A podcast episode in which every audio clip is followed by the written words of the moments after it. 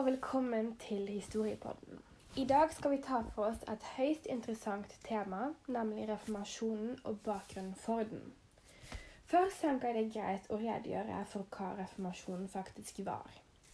Per definisjon er reformasjonen en betegnelse på de religiøse og kulturelle omveltningene som tok sted i store deler av Europa på 1500-tallet og som førte til delinga av vestlig kristendom i den katolske, den lutherske og den reformerte kirka. Kritikk av paven og kirka var det som førte til denne såkalte reformasjonen og en varig splittelse av kristenheten. Gjennom middelalderens kurs hadde den romerske kirka skapt et felles kulturgrunnlag for det religiøse livet i Vest-Europa.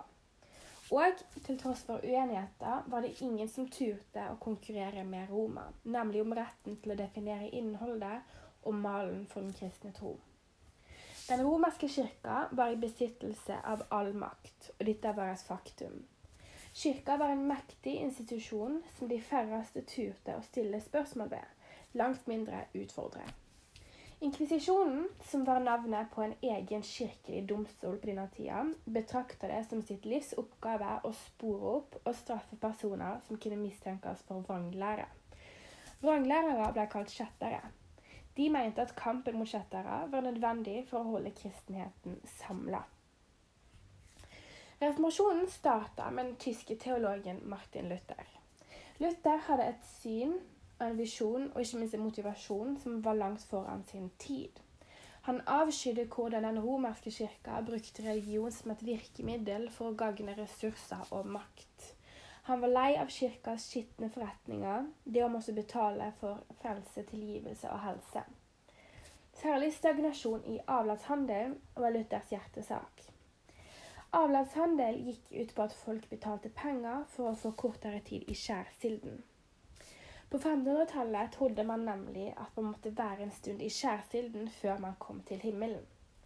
Prester og andre som jobba i kirka, utnyttet dette til det fulleste ved å si at det sto i Bibelen at man kunne betale seg ut av skjærsilden ved å gi de penger. Veldig beleilig. Dette ble gjort av kirka med en agenda om å få dekka store underskudd som følge av kirkebygginga på denne tida, og mange av prestene sin overdådige, ekstravagante livsstil. Men Luther var på den totalt andre enden av spekteret, i kontrast til den romerske kirka, med et helt annet syn på tro. Han plasserte mennesket mer i direkte relasjon til Gud enn hva man så gjorde i den katolske kirke. Han var opptatt av frelse, og at det å komme til himmelen, det kom gjennom tro alene. Han mente at hver enkelt person måtte personlig ta ansvar for sin tro og å lese Bibelen. Paven og kirka skulle ikke blande seg inn i dette, for tro er et forhold mellom Gud og enkeltmennesket. Luther var selvsikker i sin tro, revolusjonerende på sin tid, og han bante veien for en friere framtid for generasjonene etter ham. 31.10.1517 skjedde det noe ekstraordinært i den helt ellers så ordinære tyske byen Wittenberg. Det begynte som en helt normal dag for byens innbyggere og de fleste var så opptatte at de ikke la merke til en prest som sneik seg opp mot kirkedøra og hamra inn et manifest med 95 teser. Det er ofte det som er med banebrytende hendelser. De skjer stille, fredelig og knirkefritt til de endelig blir oppdaga og snakka om, og da smeller det. Manifestet med de 95 tesene skulle vise seg å være begynnelsen på en enorm oppstandelse som spredte seg til tyske byer og etter hvert resten av Europa. Den utløsende årsaken til Luthers oppstandelse og engasjement var nemlig beslutninga om å bygge en ny, ekstravagant Peterskirke i Roma. Og for å kunne finansiere dette dyre bygget organiserte paven avlatshandel i tyske byer. Hundretusenvis av mennesker mista livet i tida som fulgte, som følge av krig, sult og nød. Og som allerede nevnt tidligere anså Martin Luther betalingene til kirka som en form for korrupsjon. Og han henta masse inspirasjon og tankegangen sin fra romernes tidligere lære. Han mente at den katolske kirke hadde blitt en korrupt enhet som utnytta samfunnets svakeste med den hensikt å berike seg sjøl. Han så på det som sitt gudgivende oppdrag i livet å belyse befolkninga, og han mente at som enkeltperson, og ikke minst som prest, hadde han dermed et moralsk og etisk ansvar for å stå opp mot dette, nemlig uretten den romerske kirke begikk. Ved å hamre de 95 tesene opp på kirkedøra hadde Luther et ønske om å skape debatt om datidens kirkelige framgangsmåte. De 95 tesene var skrevet på kirkas språk latin, og alle inneholdt et enkelt argument mot datidens kirkelige utførelse. Sentralt i disse var Luthers synspunkt på tro og frelse. Han motsatte seg avlatsbetalinger og oppfordret til en annen form for sjelsfrelse, nemlig det å innrømme sine synder overfor Gud og Skriftet. Og å være standhaftig i sin tro ville folk kunne oppnå frelse uavhengig av sin økonomiske posisjon. Men paven likte derimot ikke dette. Han likte ikke at det ble stilt spørsmål ved institusjonen, og han likte heller ikke debatten Luther hadde skapt og oppfordra til. Og han utstedte til slutt en deklarasjon hvor han fordømte Luther og hans lære. Luther ble forfulgt og bannlyst.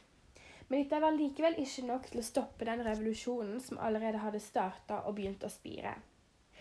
Han fikk støtte av flere grupper, og reformasjonen ble etter hvert en bevegelse som vant fram i store områder i Europa. Det kan virke som om at Luther beskrev ting som de fleste allerede tenkte, og at det dermed var en viss automatikk i folks opprør mot datidens kirkevesen. Fra midten av 1520-tallet ble bevegelsen splitta i flere grupper. Ved siden av den lutherske reformasjonen var særlig den reformerte, eller kalvinske, kalvinske reformasjonen viktig. Kalvinismen bygde videre på tanken til prester som Jean Calvin.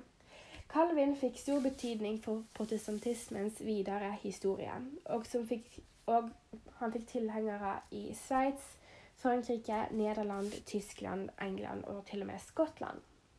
Man kan trekke mange paralleller fra den lutherske kristendomsoppfatninga og kalvinismen. John Calvin var også svært imot all den ytre prakt og overdådigheten som kjennetegna den romerske gudstjenesten. Han mente at røkelsen, de fargerike glassmaleriene og kirkerommets utsmykking gjorde at folk ble distraherte og ikke fokusert på det viktige, nemlig Guds ord.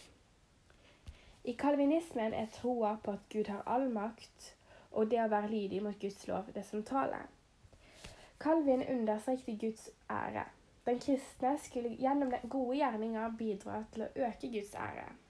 Lydighet mot, mot, Guds vilje og lov representerer et viktig grunnlag for kalvinismen. Calvin, og viktig for kalvinismen, var å fremme predestinasjonslæra, nemlig læra om at Gud, siden han er allmektig, på forhånd har ut, på forhånd har utvalgt alle mennesker sin skjebne. Enten er du dømt til frelse, eller så er du dømt til fortapelse. Reformasjonen førte til grunnleggende endringer i religion og samfunn. Den bidrar til at mange av fyrstene fikk mer makt, og førte til at kirka og religion gradvis mista sin makt, som de i så mange år hadde holdt med et jerngrep. Til dagens samfunn i dag, der religion er et dødende fenomen i en rekke land.